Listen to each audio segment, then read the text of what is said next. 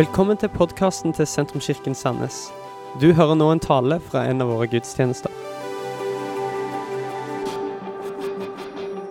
Nå har det blitt sagt veldig mye bra allerede eh, om takknemlighet. Og det er det som er eh, tema for, eh, for preken i dag. Eh, og jeg ble kalt for 'Takknemlighet er hjertets hukommelse'. Jeg skal komme litt tilbake til det. Vi er inne i en serie i kirka nå der vi egentlig bare bygger opp mot eh, høstens kanskje største begivenhet i sentrumkirka, som er høsttakkefest. Det er en fest. Det er det første og fremste som er viktig å vite om høsttakkefest. Eh, den skjer om høsten, eh, derav navnet. Og det er en fest der hele målet er å takke. Å takke Gud. Og det gjør vi I denne serien så gjør vi det ved å se tilbake på det som Gud har gjort, med takknemlighet. Og vi ser på det som han gjør i dag, med takknemlighet. Så ser vi fremover på det som Gud har for oss, med tro. Vi tror at løftes Gud han har noe for oss som ligger i fremtida. Det gjør at vi blir fylt med håp som preger oss som mennesker, oss som kirke, det preger våre omgivelser, våre byer og våre skoler og våre uh, uh, kollegaer. Takknemlighet er uh, litt som Kjell Roar var inne på, så er kanskje takknemlighet en mangelvare i, i, i, dagens samfunn, hvis man kan si det sånn. Det er ikke så ofte at du, at du slår opp på VG og NRK og ser at det, det handler om takknemlighet. Det er faktisk veldig, veldig sjelden. I stedet så er det veldig mye snakk og veldig mye fokus på alt som er galt, alt som mangler, alt som burde være bedre. Og det er kanskje ikke så rart, eh, fordi at tida som vi lever i nå, den er veldig fokusert på utvikling. At alt skal utvikle seg og bli bedre. Og Det er ikke bare på det teknologiske plan, men det har også smitta over på det menneskelige plan, eller på det personlige. Vi skal utvikle oss, vi skal bli den, beste utgaven av oss sjøl. Vi skal ha toppkarakter på skolen. Eh, det er stort kroppspress, så vi må trene masse for å holde kroppene akkurat så, så vakre som du ser på Instagram. Vi skal, vi skal, rett og slett bare utvikle oss og bli bedre. Og ikke misforstå, for utvikling er jo bra. Det er bra at det ikke er en, en satthet, og at man er fornøyd med tingenes tilstand. For, um, fordi at vi vil jo at, uh, at ting skal bli bedre. Men der fokuset er lagt mest på alt som må forbedres, alt som ikke er bra nok, så mistes fokuset på alt som er bra. Alt som vi faktisk har fått, og alt det vi har. Alt det vi kan være takknemlige for. Det som jeg håper at eh, vi sitter igjen med som kirke etter denne preken, er ikke at vi har dårlig samvittighet for at vi ikke er takknemlige nok. Det er ikke at vi skal ta oss sammen så vi blir mer takknemlige.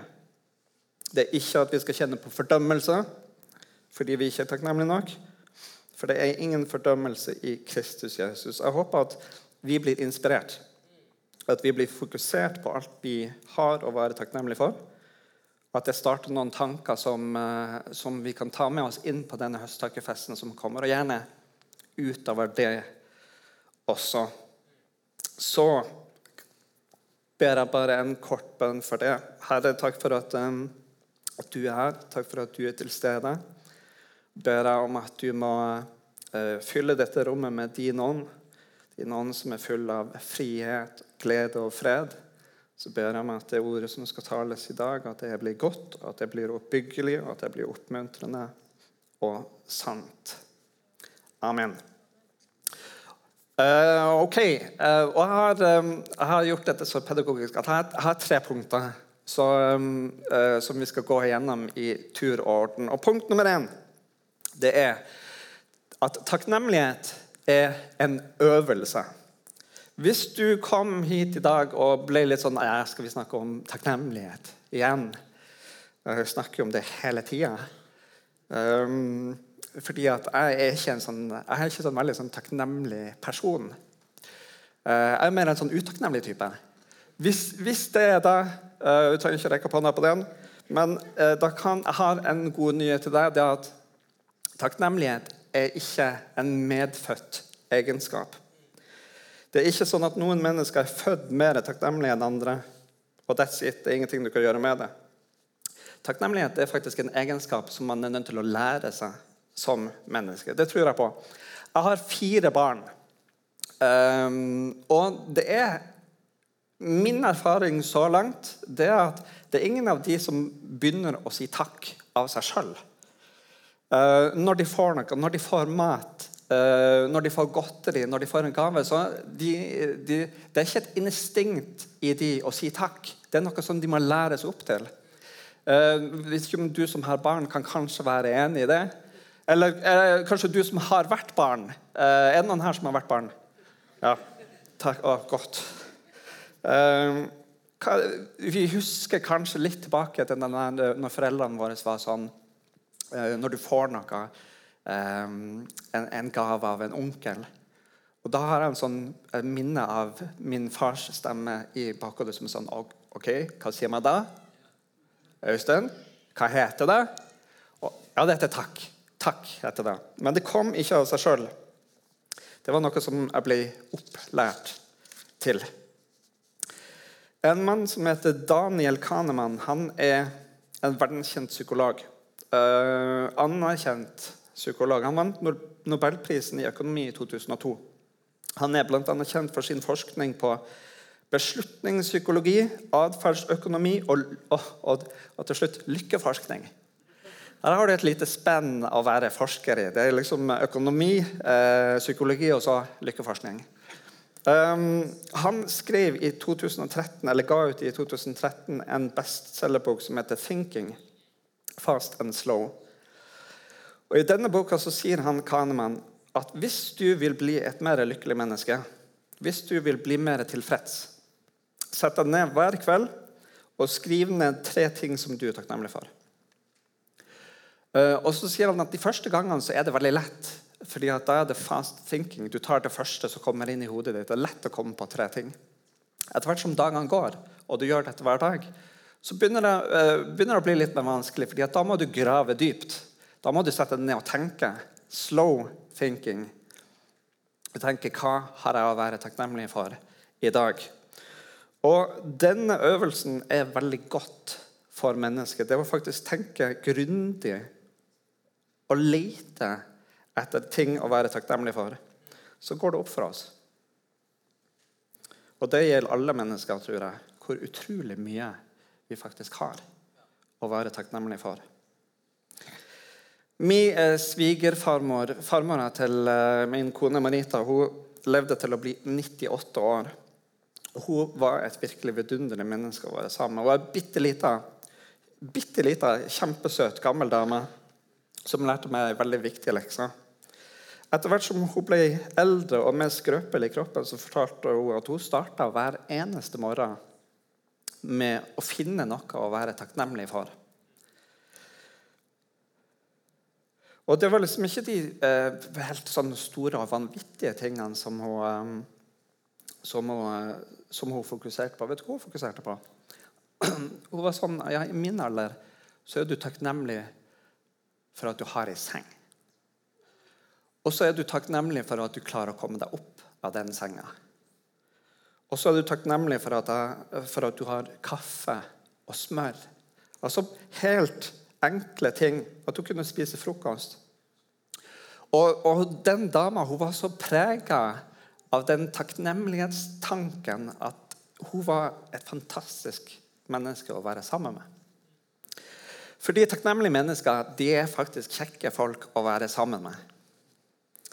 Vi skal lese et vers fra Kolossebrevet 3, 15 og 17. Der står det La Kristi fred råde i hjertet. Um, uh, for til det ble dere kalt da dere ble én kropp, og vær takknemlige. La Kristi ord få rikelig rom hos dere. Undervis og rettled hverandre med all visdom Syng salmer, viser og åndelige sanger til Gud av et takknemlig hjerte. Og la alt dere sier og gjør, skje i Herren Jesu navn med takk til Gud, vår Far, ved Han. hvis det er sånn at takknemlighet er en øvelse, hvis det er noe som man eh, faktisk må øve seg på, så betyr det at man kan bli skikkelig flink på å være takknemlig. Er det noen eh, som kan tenke seg å bli litt flinkere på å være takknemlig? Da har jeg eh, tre punkter om hvordan man blir mer takknemlighet. Eh, punkt én Nei, punkt Nei, hvordan blir det? Eh, punkt 1A blir det. Slutt å sammenligne med andre. En, del, en av tingene som tar drepen av takknemlighet, det er sammenligning.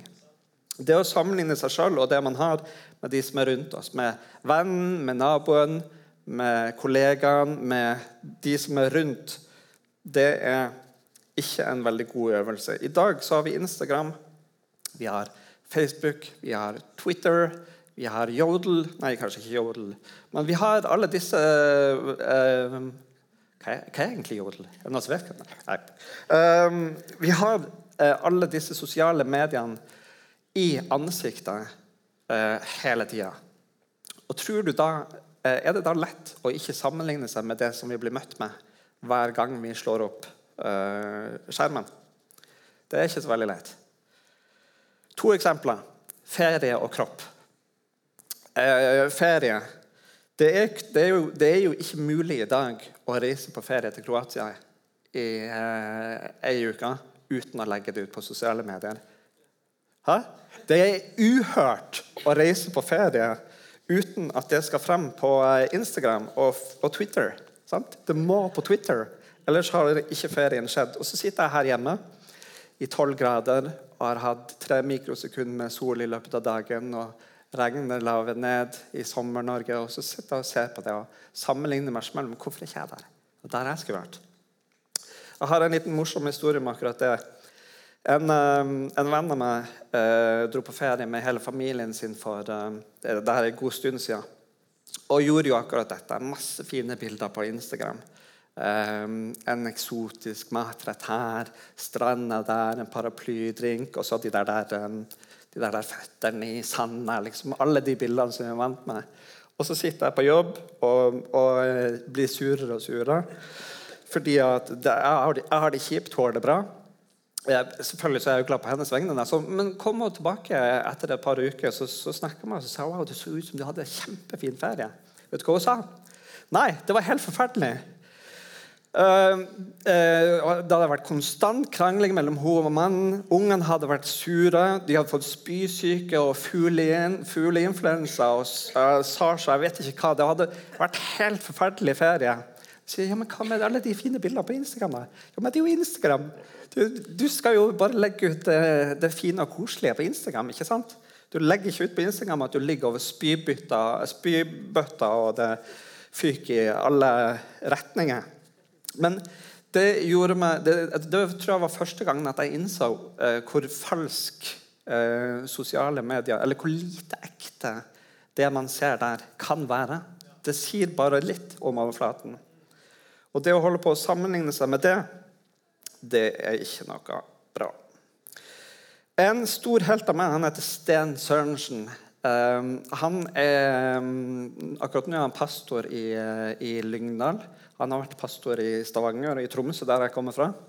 Rektor på bibelskole. Han sa for 20 år siden når jeg gikk på bibelskole, så sa han Du skal ikke speile deg i motebladet, men du skal speile deg i Bibelen. For 20 år siden, skjønner eh, de som er litt yngre, for 20 år siden så hadde vi moteblader. Eh, vi hadde ikke sosiale medier, vi hadde ikke Facebook og Instagram. Vi hadde moteblad.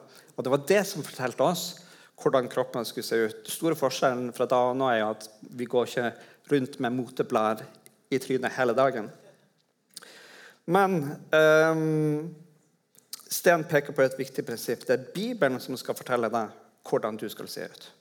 Det er Bibelen som forteller deg hvordan du skal være. Når du speiler deg i Bibelen, så kan du få en rett tanke om hva du er. Han sier, um, han har en artikkel på, den ligger på dagen. Uh, dere kan lese den om dere vil, men han sier en høy prosent av de som sammenligner seg med andre, kommer dårligere ut sjøl. De andre blir som regel oppfatta som bedre enn en selv. Jeg har møtt gode kristne som sier at 'jeg er ikke så åndelig som hun', eller 'jeg ber ikke så godt som han', eller 'jeg kan ikke formulere meg som hun'. Å sammenligne seg med andre er en dårlig aktivitet. Det tapper en for krefter og gir feil fokus. Hvorfor ikke heller speile seg i Bibelen? Der leser vi hvordan Gud ser på oss. Vi er det ypperste av hans skaperverk. Hver og en av oss er dyrebare i hans øyne. Vi er originale. Det finnes ikke én kopi av oss. Fyller vi oss med Guds ord, får vi et sterkt fundament i livet. Da er det ikke andre som blir vår viktigste informant, men Gud som elsker oss med en evig kjærlighet. Det er befriende å tenke på at andre mennesker ikke er de som skal sette standarden for våre liv. Hvem ønsker jeg å bli akseptert av? Mennesker eller Gud? Dersom jeg fortsatt var opptatt av å tilfredsstille menneskene rundt meg, så var jeg ikke Kristi tjener. Det kjenner dere igjen fra Galaterbrevet. Et annet fra Galaterbrevet. Hold derfor fast på den frihet som dere har fått av Kristus. Ikke la noe menneske tvinge dere tilbake til regelstyrt og bundet liv der, bare, der dere bare presses og tynges ned. Det er viktig å speile seg på rett sted. Sten Sørensen, altså. For en fantastisk mann. Slutt å sammenligne deg med andre. Punkt eh, B. Fokuser på hva du har, ikke på alt du ikke har. Enkel tanke. Ja. Men er faktisk ikke så lett å gjøre i praktisk. Jeg tenker, eh, jeg, jeg trenger ikke gå lenger enn en, eh, til meg sjøl for å se. Jeg bor i Stavanger og har en hage. Men jeg tenker den hagen Skal ha en litt større hage.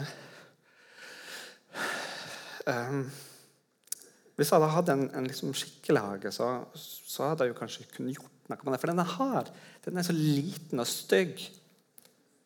Puslete. Jeg kan liksom ikke brukes til noen ting. Jeg kan ikke spille fotball i hagen. Tenk å ha en hage som jeg kan uh, spille fotball med. I stedet for at jeg fokuserer på at jeg har en hage, så begynner jeg å fokusere på det, det jeg burde hatt. En større hage. Det fører faktisk ikke til takknemlighet, det fører til utakknemlighet. Den lille dritthagen. Jeg skulle ønske jeg ikke hadde den. Så liten, dum er den. Det er feil tanke. Det gjør meg ikke glad, det gjør meg ulykkelig. Fokuser heller på det du har. Punkt C. Fokuser på hva du ikke har. Dette er, det er sånn Thomas Netland spesielt. Bare, du tar et punkt, og så, gjør, og så sier du det helt motsatte rett etterpå. Thomas har lært meg det. Eh, noen ting er vi jo takknemlige for at vi ikke har. Jeg er veldig takknemlig for at jeg ikke har eh, dårlig humor. Er det flere som er takknemlige for at jeg ikke har det. Takk. Nei, men eh, sykdom er kanskje et eksempel. Min svigerfarmor hadde en fantastisk innfalls, innfallsvinkel på det. Også. Hun hadde en fot som hun var plaga mye med. Mye smerter og mye vondt. Vet du hva hun sa? Vet du hva hennes eh, eh innfallsvinkel var? Det at ja, det er ganske kjipt, men jeg har i hvert fall én fot som funker. Hun fokuserte ikke på den foten som hun hadde smerter i, hun fokuserte på den som faktisk fungerte, som, som var bra. Det er nydelig. Det er en, en, um, en fantastisk, et fantastisk forbilde. Vær takknemlig for det du ikke har. Jeg er allergisk mot, uh, mot, katter og hunder. og Det har vært en stor sorg i mitt liv når jeg vokste opp, fordi jeg hadde så lyst på, på kjæledyr. Når jeg så en katt, var jeg helt sånn jeg måtte bort og så gnikke den i trynet. Og så, og så eh, tårene spretter, og snørret fyker, og du hovner opp og, og dør nesten. Jeg klarte ikke å motstå fordi at de var så deilige. Jeg er takknemlig for at, eh, at jeg, er allergisk mot Jeg er ikke takknemlig for at jeg er allergisk mot katter. Men jeg er takknemlig for at jeg ikke er allergisk mot f.eks.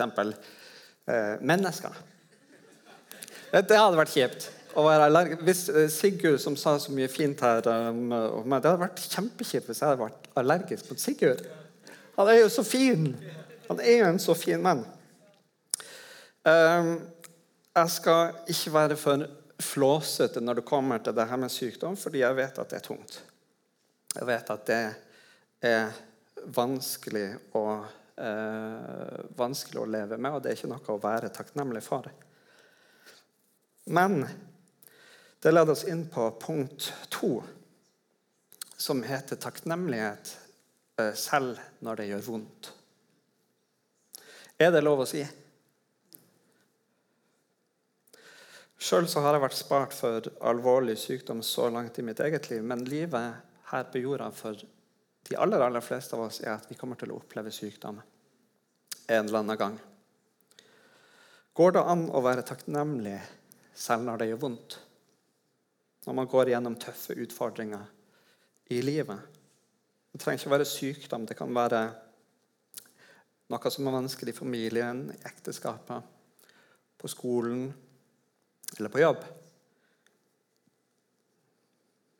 Går det likevel an å finne frem til takknemlighet når livet ser ut som det raser sammen rundt oss? 1. Peters brev 1 og vers 6 og 7 det står det.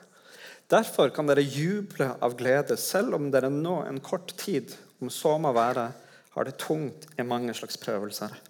Slik blir troen deres prøvet. Selv forgjengelig gull blir prøvet i ild. Troen, som er mye verdt, må også prøves, så den kan bli til pris og herlighet og ære for dere når Jesus Kristus åpenbarer seg. Det står riktignok ikke takknemlighet her, men det står om å juble av glede.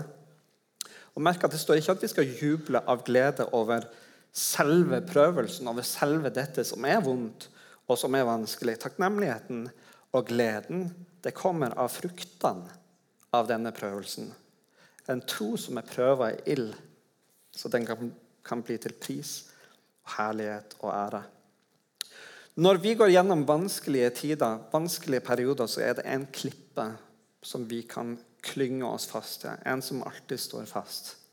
Jesus Kristus. Han som alltid er god mot oss, som alltid elsker oss, som alltid viser oss nåde. Og som en trofast far som vi har i himmelen, som venter på det kjæreste han eier, så står han alltid med armene åpne og venter på at vi skal komme. Med alt som tynger oss. Alt som plager oss. Han gir oss håp og et løfte om at alt skal ordne seg til slutt. Det er det verdt å være takknemlig for. Um, jeg hadde egentlig tenkt å ha et lite eksperiment, men vi får ikke tid til det nå. Men på plassene når dere kom inn, så lå disse blå um, takke, takkelappene. Så jeg hadde egentlig tenkt at det hadde vært interessant eksperiment å bare stoppe opp litt nå. Uh, og så bruker jeg et minutt på å tenke på hva er jeg takknemlig for. Men uh, vi har ikke tid, så uh, ta lappen med deg hjem. Uh, også det som har vært kjempekult, det var at hvis vi kunne få noen sånne utfylte på høsttakkefesten En sånn diger stabel med blå takkelapper når vi skal ha høsttakkefest. Punkt nummer tre. Hva kan du gjøre med din takknemlighet? Jeg håper når vi har kommet så langt, så tankeprosessen har begynt. Det begynte å kvele litt. Hva er jeg takknemlig for? Hva er det jeg har å, å takke for? Men neste spørsmål er jo hva gjør man da med denne takknemligheten? Hva fører takknemlighet til? Og Her kommer vi inn på uh, femte Mosebok og kapittel 26, vers 1-11. Det er litt langt, men det er litt kult uh, når vi snakker om takknemlighet. Så jeg skal lese hele det. Når du kommer inn i det landet Herren din Gud vil gi deg til eiendom, og du legger det under deg og bosetter deg der, skal du ta noe av førstegrøden av alt du høster inn fra jorden i landet ditt. Det er landet Herren din Gud vil gi deg. Du skal legge det i en kurv og gå til det stedet Herren din Gud velger ut til bolig for sitt navn. Du skal gå til presten som gjør tjeneste på den tiden, og si:" Jeg vitner i dag for Herren din Gud at jeg har kommet inn i det landet som Herren med ed lovet våre fedre at han ville gi oss. Presten skal ta imot kurven fra din hånd og sette den ned foran Herren din Guds alter. Eh, for Herren din Guds ansikt skal du ta til orde og si:" Min far var en omflakkende arameer. Han dro ned til Egypt med en liten flokk og bodde der som innflytter. Der ble han til et stort og tallrikt folk. Men egypterne mishandlet og plaget oss og la hardt arbeid på oss. Da ropte vi til Herren, våre fedres Gud, og Herren hørte våre rop og så hvor mishandlet, plaget og undertrykt vi var. Og Herren førte oss ut av Egypt med sterk hånd utstrakt arm og skremmende kraft med tegn og under. Han førte oss til dette stedet, han ga oss dette landet. et land som flyter av melk og honning. Og se, jeg bringer førstegrøden av det som er høstet inn på den jorden du har gitt meg, Herre. Du skal sette den ned for Herren din Guds ansikt, og du skal tilbe Herren din Gud. Så skal du glede deg over alt det gode som Herren din Gud har gitt deg, og ditt hus, både du og levitten og innflytteren som bor hos deg. Jeg syns dette er ganske, ganske fine vers når vi snakker om eh, takknemlighet. For her ser vi hva israelsfolket gjorde med sin takknemlighet. Det er konkret, det er enkelt. Guds folk skulle ta en kurv og ta noe av det første av det de høsta inn. Førstegrøden det betyr bare det første du høster inn av korn og um, frukt og sånn og legger det i en kurv og gikk med det til Guds hus. Så kommer en lang tekst med, med, alt det som Gud har gjort for dem. Da ropte vi til Herren, vår fedres Gud, og Herren hørte vår røst og så til oss i fornedrelsen, strevet og undertrykkelsen. Det er en anerkjennelse av at det er Gud som har hjulpet oss. Det er Gud som har ført oss til dette stedet. Det er ikke noe vi har klart sjøl. Det er noe vi har fått. Takknemlighet innebærer en innrømmelse av at man har fått noe. For å være takknemlig så må man innse at det man har, det har man fått. Responsen på denne innrømmelsen er at man gir takk tilbake. Og Gjør man dette mange nok ganger, så gir det frukten takknemlighet. Deretter skal du glede deg over alt det gode som Herren din Gud har gitt deg og ditt hus. Responsen som Israelsfolket hadde for det de hadde fått av Gud, var at de ga en gave. Men hva mer kan vi gjøre med, eh, med vår takknemlighet? Vi skal jo ha denne høsttakkefesten om to uker. Og da, da legger vi til rette for at du skal kunne gi et høstakoffer. Det er ingen krav, det er ingen som, um, uh, som, kommer til å stå og se på at du faktisk gir. Det, det, er noe som vi som kirke vi legger til rette for det, fordi vi ønsker uh, Vi tror at dette er en god ting å gjøre, og derfor så oppmuntrer vi til å gjøre det. Vi oppmuntrer til å gi et offer, men det er ingen som ikke, ikke et krav overhodet. Som jeg begynte med, eller som jeg innleda preken med, så håper jeg at om du har lyst til å gi så håper jeg at du ikke gjør det av dårlig samvittighet. Så håper jeg at du ikke gjør det fordi du skal ta deg sammen. Håper du ikke gjør det fordi du føler at du må gi noe tilbake. For hvem er Gud? Jo, han er nådig, og han er kjærlig. Han tar imot oss akkurat der vi er. Akkurat sånn vi er. Og til de som kanskje ikke har så mye å gi akkurat nå, det er jo helt greit.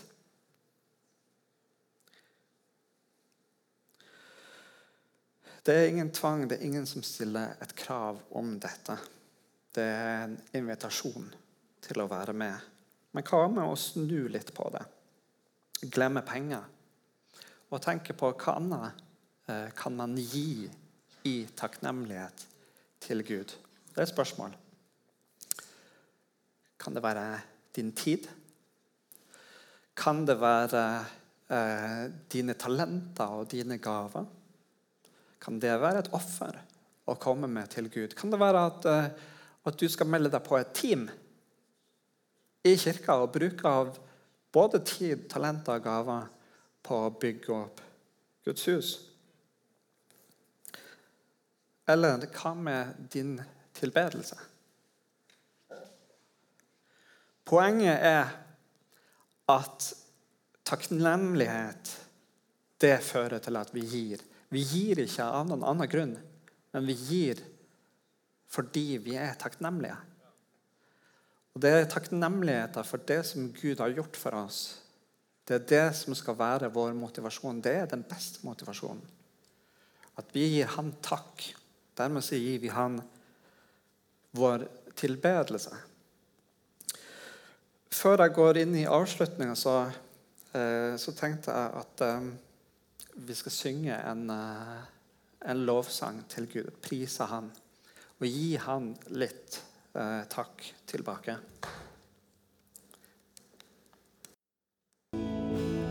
Du åpna mitt blikk. Du ga meg nytt liv.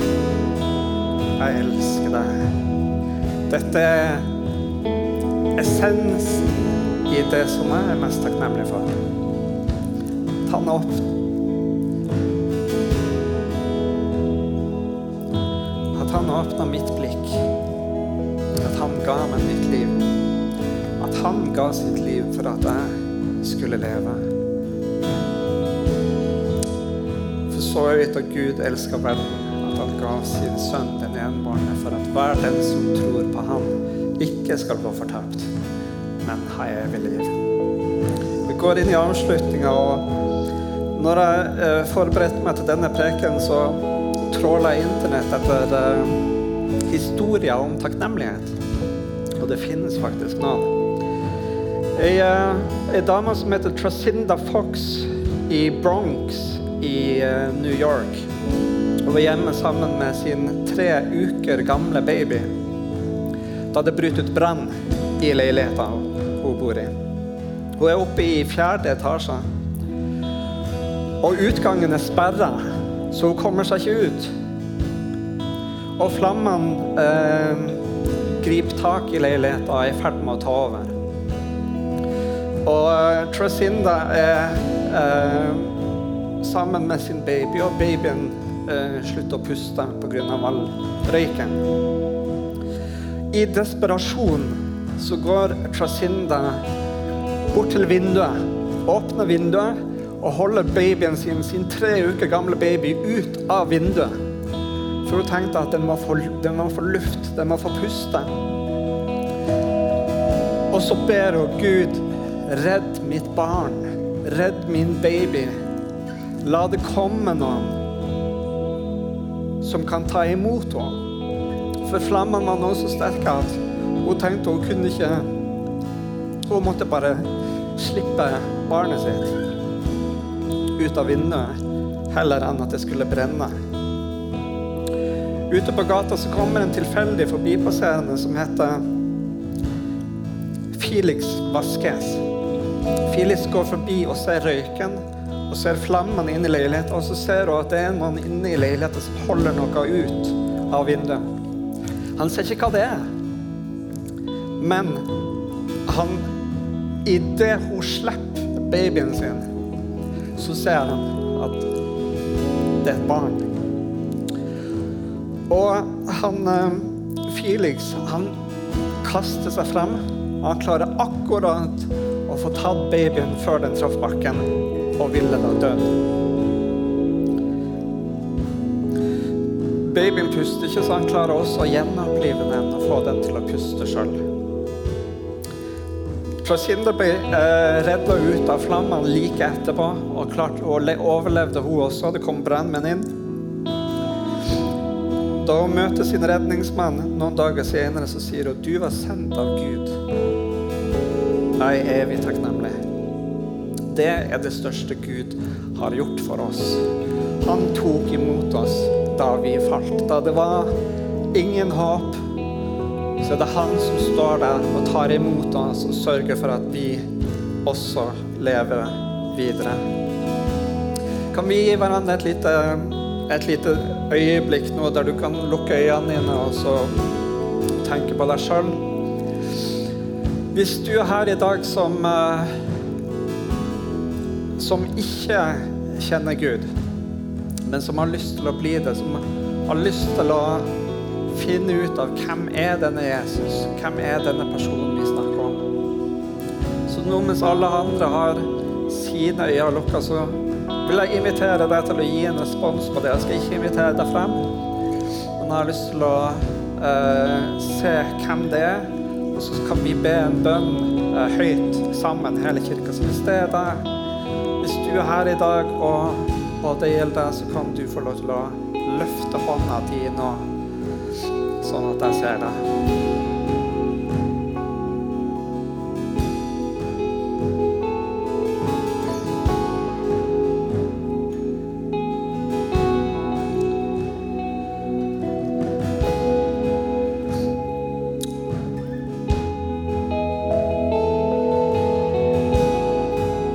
Vi har snakka mye om Skal straks avslutte nå. Vi har snakka mye om eh, hva vi har å være takknemlige for.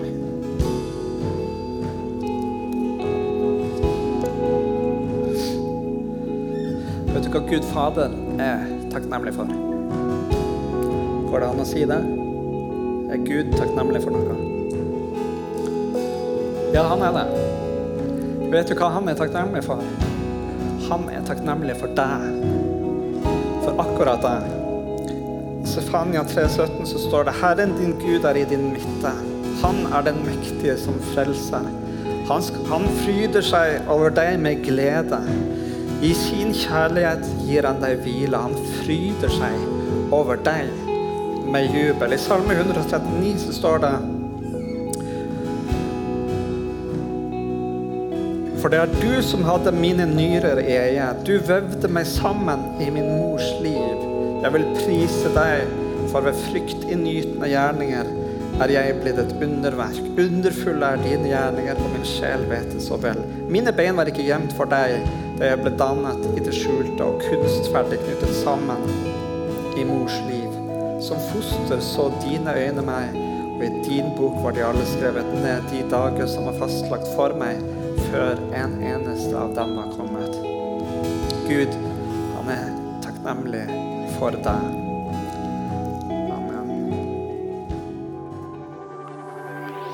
Dette var slutten på denne talen. Håper du har blitt inspirert. Om du har lyst til å vite mer om hvem vi er, eller hva vi gjør, eller har lyst til å høre flere podkaster, så kan du besøke vår nettside sentrums.no.